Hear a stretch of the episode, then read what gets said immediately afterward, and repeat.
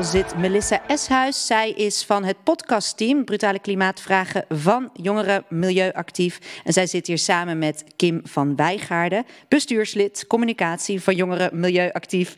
Uh, prachtige naam, ik uh, blijf het gewoon herhalen. En zij uh, gaan in gesprek met Andy van den Dobbelsteen. Ik kondigde het net al heel onhandig voor, maar hij is in ieder geval hoogleraar aan de TU Delft. Zo, welkom Andy. Leuk dat je er bent. Dankjewel. En fijn dat we brutale klimaatvragen aan je mogen stellen. Geen En dan begin ik met de eerste vraag. Uh, je bent hoogleraar klimaatdesign, sustainability uh, op de afdeling Architectural uh, Engineering and Technology. Ja, ze kunnen niks simpels beginnen op zo'n universiteit. nee. En dan we ons af, waarom heb je ervoor gekozen om je bezig te houden met deze onderwerpen? Oh, um, nou, dat is al begonnen toen ik uh, aan het studeren was en merkte dat er vrij weinig aandacht was voor duurzaamheid. Dat begrip bestond toen nog helemaal niet. Het was allemaal ecologisch bouwen of uh, milieubewust bouwen. Um, maar daar waren maar een paar mensen mee bezig, eigenlijk de pioniers in de bouw. Um, en toen ben ik, heb ik besloten mijn afstudeerproject daarover te doen en daarbij uh, mensen te betrekken. En ja, dat is al begin jaren negentig geweest eeuwigheid geleden. En uh, sindsdien ben ik daar in het vakgebied gebleven. Uh, en dat is later duurzaamheid gaan heten, duurzaam bouwen. Um, en ja, daar valt natuurlijk heel veel onder. Uh, klimaat, energie, water, materialen, natuur, et cetera. Oké, okay. dus je was zo'n beetje pionier al?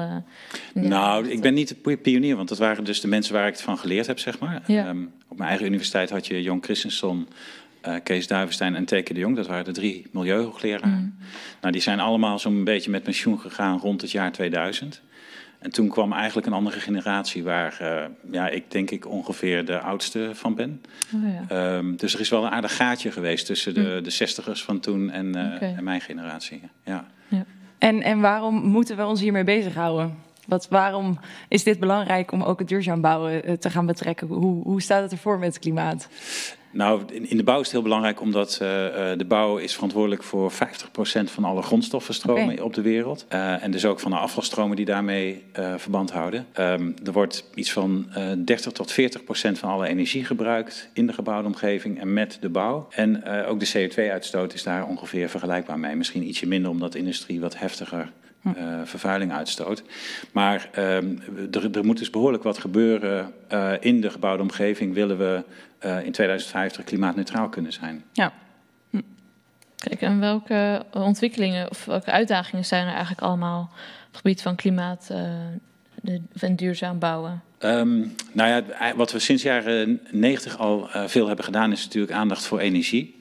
Hmm. Uh, dus uh, de energieprestatienorm, die al heel lang bestaat, is, was eigenlijk de eerste actie om heel concreet bezig te gaan met het reduceren van energievraag in gebouwen. Uh, geleidelijk aan is daar water bij gekomen, materialen.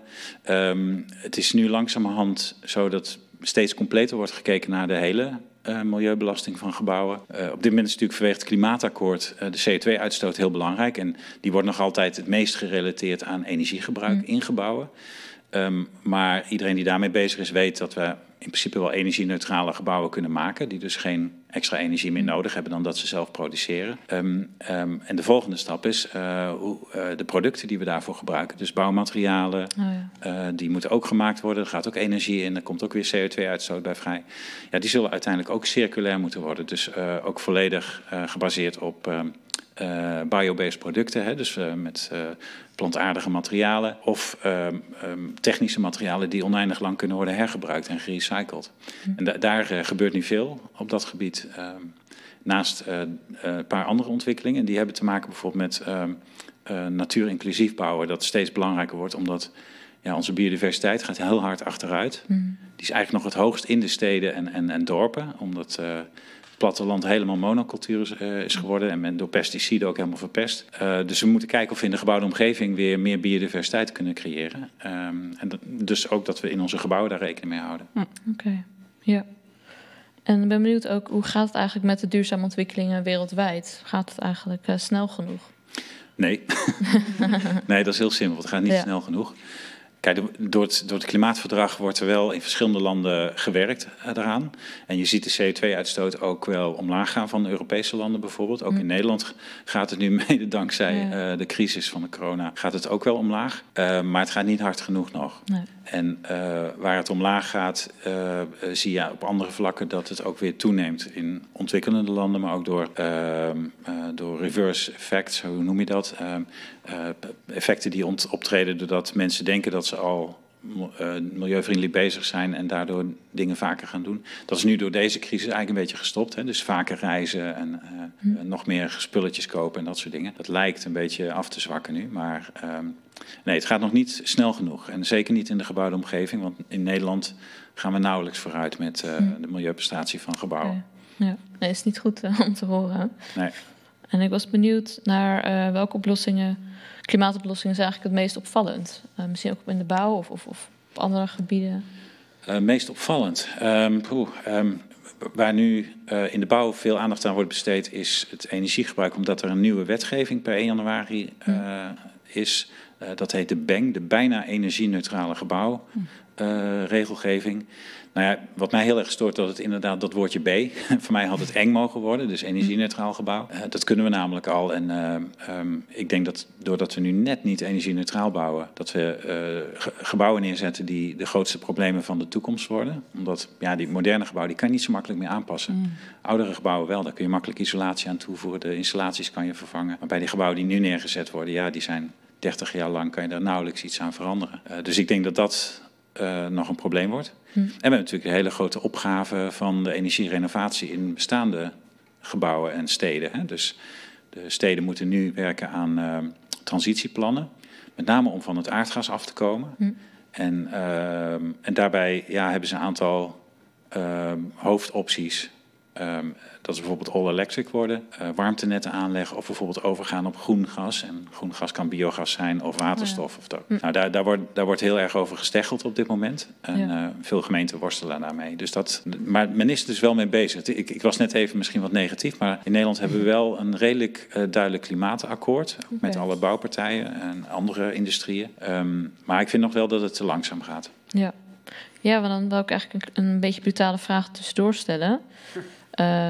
Ja, zo, ja, je dus bezig met, met klimaatoplossingen. En als jongeren zijn we vanuit JMA en andere organisaties ermee bezig. Um, maar als we eerlijk zijn, nou ja, hoor je ook wel vaak... we zijn eigenlijk al een beetje te laat... en, en houden onszelf niet een beetje voor de gek dan eigenlijk. Of, uh, ja, als je dat doet, dan kun je net zo goed overal mee stoppen. nee, ik ben een optimist. En ik, ja. ik, ik, leer natuurlijk studenten uh, duurzaam ontwerpen. Um, en um, behalve dat, dat, dat ik daarmee ook aangeef dat ik er vertrouwen in heb dat, dat mm. het wel kan. En dat we zoeken naar nieuwe oplossingen die veel verbetering kunnen brengen. Krijg je ook door, ja, de jonge generatie brengt ook weer nieuwe ideeën, nieuwe, uh, nieuwe inspiratie. Uh, dus je ziet dat, uh, dat er heel veel dingen gebeuren. Um, dat, dat, merk je ook bijvoorbeeld aan de start-ups die worden opgezet door net mm. afgestudeerden of mensen die net een promotieonderzoek hebben afgerond en inmiddels weten hoe een bepaald product goed kan werken. Um, die start-ups brengen ontzettend veel innovatie in de, de bouw en in de gebouwde omgeving, in, in consumentenartikelen en zo. En daar verwacht ik nog veel van. Alleen wat in Nederland een beetje het probleem is, en daar is de zaak Shell natuurlijk een goed voorbeeld van. Ja. Uh, uh, de Nederlandse regering laat zich van oudsher veel meer hangen naar de grotere bedrijven, de multinationals. En die gaan niet hard. Die nee. hebben maar een bepaald deel van hun bedrijfsvoering uh, richt zich op duurzaamheid. En de rest is de core business is as usual. Mm. Um, ja, zolang ze daar winst op kunnen maken met ons huidige economisch systeem, gaat er gewoon geen, gaan er geen grote veranderingen plaatsvinden. Nee. nee. En, en u noemt al eerder de, bijvoorbeeld die, die bang die u net noemde. Waarom, waarom kiest zo'n overheid er dan toch voor om dat dan niet helemaal door te zetten, maar dat, dat halfbakken werk eigenlijk te gaan doen? Nou, dat is heel duidelijk. In Nederland zijn we supergoed in polderen. En polderen betekent, dat is natuurlijk, polderen is, heeft, is een hele goede naam. Dat is ooit ontstaan natuurlijk met de waterschappen, waar mm -hmm. mensen moesten samenwerken om, om zichzelf veilig te houden in de polders. Uh, en daarvoor moest je samenwerken. Maar we zijn in Nederland een beetje doorgeslagen, vind ik, met wie je aan tafel vraagt op het moment dat je belangrijke overeenkomsten moet sluiten. En uh, wat, de, wat de regering dus telkens doet, is vooral marktpartijen, die het moeten gaan doen, uitnodigen aan de tafel als er nog onderhandeld wordt over de, de doelen. En dat zie je ook met uh, de Beng. Uh, wie zat er aan tafel? Alle partijen die daar in de praktijk uh, producten leveren, adviezen geven. Um, en dan krijg je de bouwers, eh, de installateurs. Ja, ja die, zien dan, het is allemaal maar ingewikkeld. Hm. Moeten we alles omschakelen ineens. Dus laten we een uh, softere versie doen. Ja. Nou, dus zo zeggen ze dat niet, maar daar komt het wel op neer. Ja. Hetzelfde met het klimaatakkoord. Um, er zat geen wetenschapper aan de tafels bij de klimaatbesprekingen. Ja. Dat vind ik bizar. Ja. Uh, wel commerciële partijen die er alles aan gelegen was om niet te hard uh, die klimaatverandering aan te pakken. Ja. Dus dat is, dat is denk ik een Nederlands manco. En, en, en, en dan puur gericht op die bouwsector, wat is er dan, wat is er dan nodig om ervoor te zorgen dat we daar wel dan gaan komen? En, en snel ook eigenlijk. Ja, nou ja, wat, wat, uh, de regelgeving is dus één, hè, maar ja, daar Ja. kunnen we nu even niks aan doen. Uh, steden kunnen zelf wel wat meer doen. Die kunnen binnen hun gemeente hogere eisen stellen. En zolang ze dat voor alle partijen gelijk stellen, dan mogen ze daar meer vragen. Hm. Um, dus daar valt nog wel iets meer te halen. Um, opdrachtgevers zelf kunnen natuurlijk ook zeggen van ja, maar uh, waarom zou ik iets doen wat minder slecht is, terwijl ik het helemaal goed kan doen? Uh, ik, ik, ga gewoon voor een volledig duurzaam gebouw dat uh, CO2-neutraal is, dat biobased is, dat ja. gezond is, dat natuurelementen in zich heeft. Dus dat kan gewoon. Ja. Um, en ja, en mijn kant van het verhaal is dat ik ontwerpers daarvoor opleid die ook weer een opdrachtgever kunnen motiveren of overtuigen dat ze ook nog beter kunnen gaan dan wat ze voorstellen, bijvoorbeeld. Hm. Uh, dus ik vind dat je op alle niveaus wat moet doen. Uh, inclusief wij als consumenten ook. Ja, ik, ik, ik hou mijn eigen CO2-uitstoot ook al jarenlang bij. En, en ja, dan, dan kun je ook veel gerichter gaan investeren in uh, reducties daarvan. Ja. Heel weinig mensen doen dat natuurlijk, maar dat zou wel goed zijn. Ja, een perfect voorbeeld uh, wat dat betreft. Uh, en u noemt natuurlijk, u leidt de studenten op uh, om duurzaam te ontwerpen. kunnen we alles al ontwerpen? Hebben we overal nu al een oplossing voor? Of moeten we ons daar ook nog eerst verder in ontwikkelen? Ik denk dat ze bijna overal een oplossing al voor hebben. Okay. En um, wat heel vaak wordt gezegd in die duurzaamheid is van nou, weet je, laten we nog maar niet investeren in warmtepompen of in de zonnepanelen nu, want volgend jaar zijn er uh, weer betere en goedkopere opties daarvoor. En dan zeg ik altijd, dan moet je ook nu stoppen met nieuwe telefoons en nieuwe computers aanschaffen. En die zijn volgend jaar ook beter. Ja. Um, dat is natuurlijk bizar, dat wij niet durven te investeren omdat er betere producten komen. Um, dus ik denk dat, uh, nou ben ik even de draad kwijt waar we begonnen, maar uh, ik denk dat we uh, uh, gewoon al heel veel kunnen op dit moment. Hm. Um, we kunnen al energie-neutrale gebouwen maken. We kunnen ook energie-neutraal renoveren en transformeren van bestaande gebouwen. Alleen, ja, de, de, harde eis daarvoor ligt er nog niet. Dat is dus het probleem waar we het Ja. net over hadden. Uh, waar nog wat meer onderzoek in plaatsvindt en wat nog een lastig ding is, is bijvoorbeeld circulariteit van bouwmaterialen. Zoals we nu bouwen. En dat is een even goed als uitleg. Wat, wat bedoel je met circulair? Ja, circulair, um, dat is een, een hele sterke uh, opgaande beweging nu in, in de ontwikkeling van de bouw. Um, dat betekent eigenlijk dat je alle materialen en producten die je gebruikt, ofwel heel goed kan hergebruiken of recyclen zonder al te veel moeite. Uh, of dat uh, alles vanuit uh, natuurlijke bronnen komt, die ook weer duurzaam beheerd kunnen worden. Die ze ook weer aangeplant kunnen worden op een duurzame manier. En dat het afval van die producten niet meer de boel vergiftigt of zo. Okay. Dus dat gaat om ofwel die groene cyclus van schone materialen uit de natuur. Of het is een, een technische cyclus die eigenlijk oneindig lang moet worden hergebruikt. En dat speelt in de bouw natuurlijk heel sterk. dat, we moeten natuurlijk naar een systeem toe waar de leveranciers van producten hun eigen producten ook weer terugnemen en zelf recyclen. Uh, hm. Dus een soort van terugnameverplichting. Uh, zodat als je troep maakt, je ook die eigen troep weer moet terugnemen. Ja, ja logisch. Ja. Uh, en dat zou dan de, bouw, de, ja, de, de, industrie heel erg stimuleren om schonere producten te maken. Die makkelijk uit elkaar te halen zijn, die makkelijk te herverwerken zijn. Ja. En moet zoiets dan echt alleen vanuit de motivatie van de vervuiler komen? Of, of moet daar gewoon een harde eis vanuit de overheid op zitten?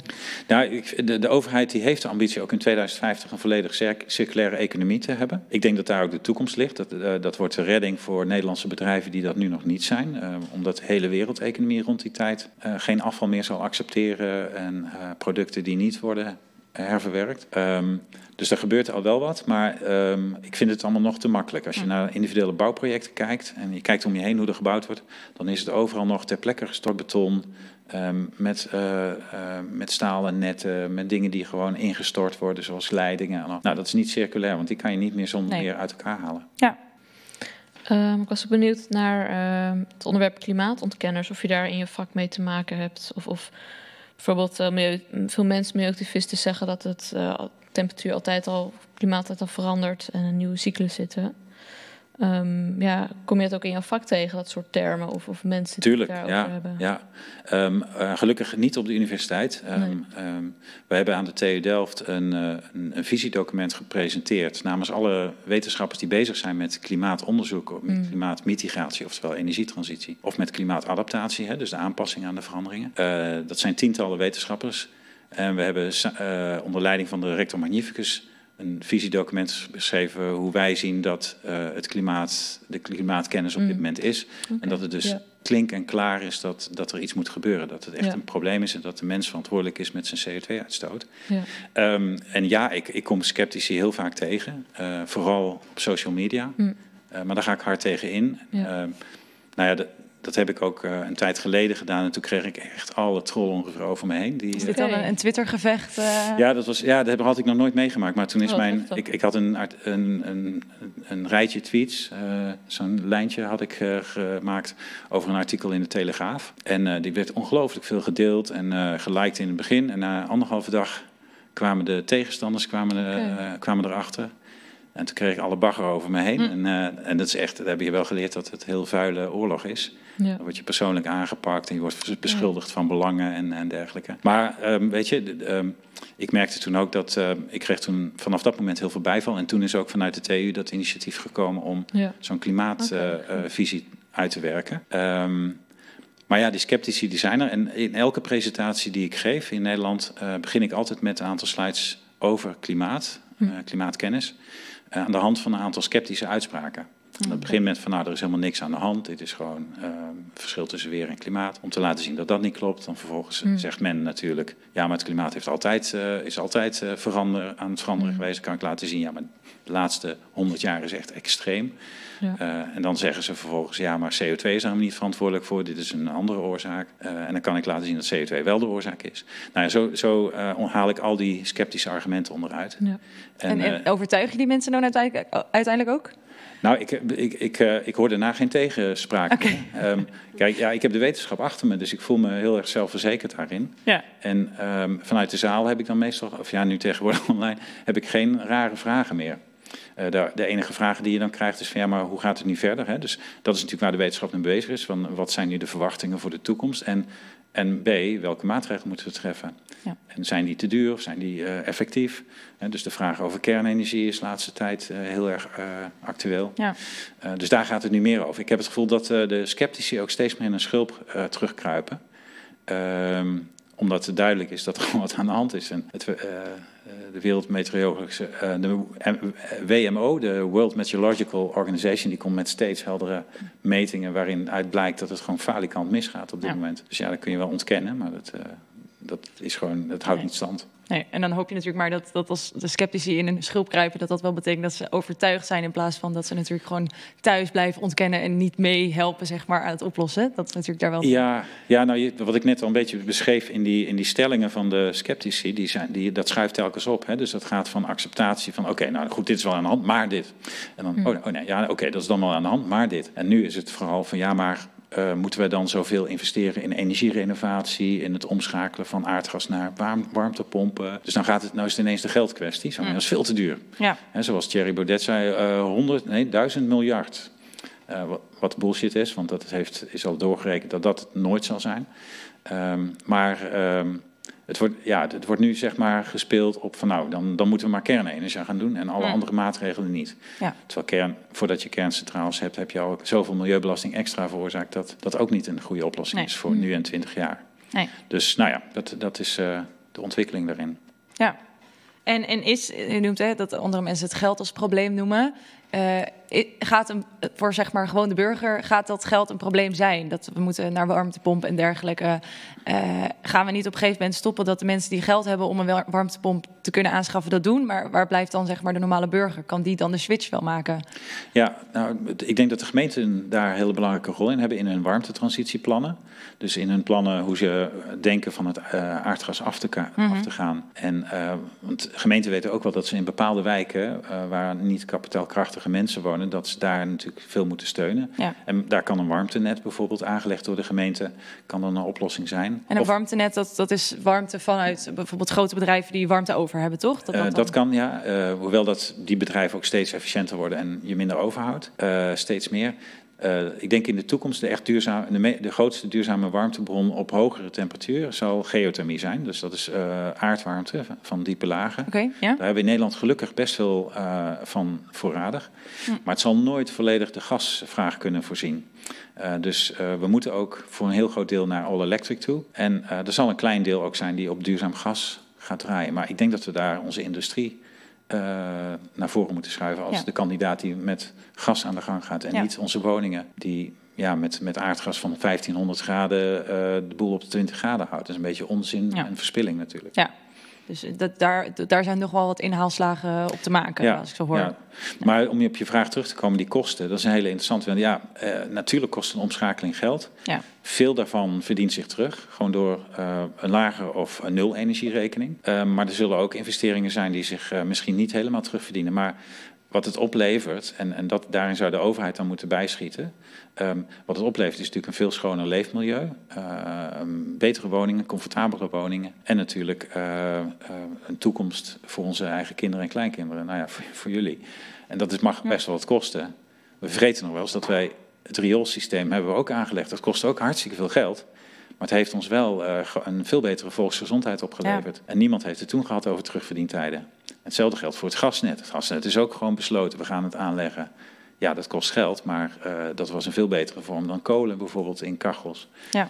Dus ja, ik denk dat we weer een beetje af moeten van dat, eh van dat terugverdiendenken. Eh, we, we zijn nu bezig over onze toekomst. Ja. En, en Hmm. die waarde is veel, veel hoger dan, dan het geld van de komende jaren. Ja, geld, geld dus niet op de eerste plaats, maar de toekomst. Ja, of, of je moet er alles in meenemen. Hè? Dus Ja. het kan er ook dat je dus de waarde van de milieuschade nu mee gaat nemen in, in eh, de eh, kosten van, van fossiele energie, van vervuilende producten. En dat gebeurt ook nog steeds niet. Nee. Dus een, een, een CO2-tax is wel het minste wat we zouden moeten doen. Eh, maar het zou nog meer, veel meer moeten gebeuren. Want uiteindelijk is het zo dat alle milieuschade moeten we ook weer met belastinggeld herstellen straks. Dus eigenlijk zou dat nu al verrekend moeten worden in de prijs van producten. Nou, dat is nou, omdat eh, het poldermodel dus eh, eh, allerlei partijen aan tafel ja. zet die daar absoluut geen zin in hebben, Ja. gaat dat denk ik voorlopig niet gebeuren. Maar zou dus wel moeten gebeuren. Vind ik wel. Ja. Ja. en ik ben niet de enige hoor. Ook economen zijn er die dat ondersteunen. Ja. En uit eh, onderzoek blijkt dat we. Het onderzoek blijkt dat we eerst eh, het beste armoede uit de wereld kunnen helpen. En dan pas eh, met bewuster. En dat men dan bewuster met klimaat bezig zou zijn. Eh, en dat ook bijvoorbeeld dit blijkt wanneer mensen een eh, hoog ja, onderwijs krijgen en opgeleid worden. Eh, dus moeten we dan niet eerst daarop richten? Hoe denk jij daarover?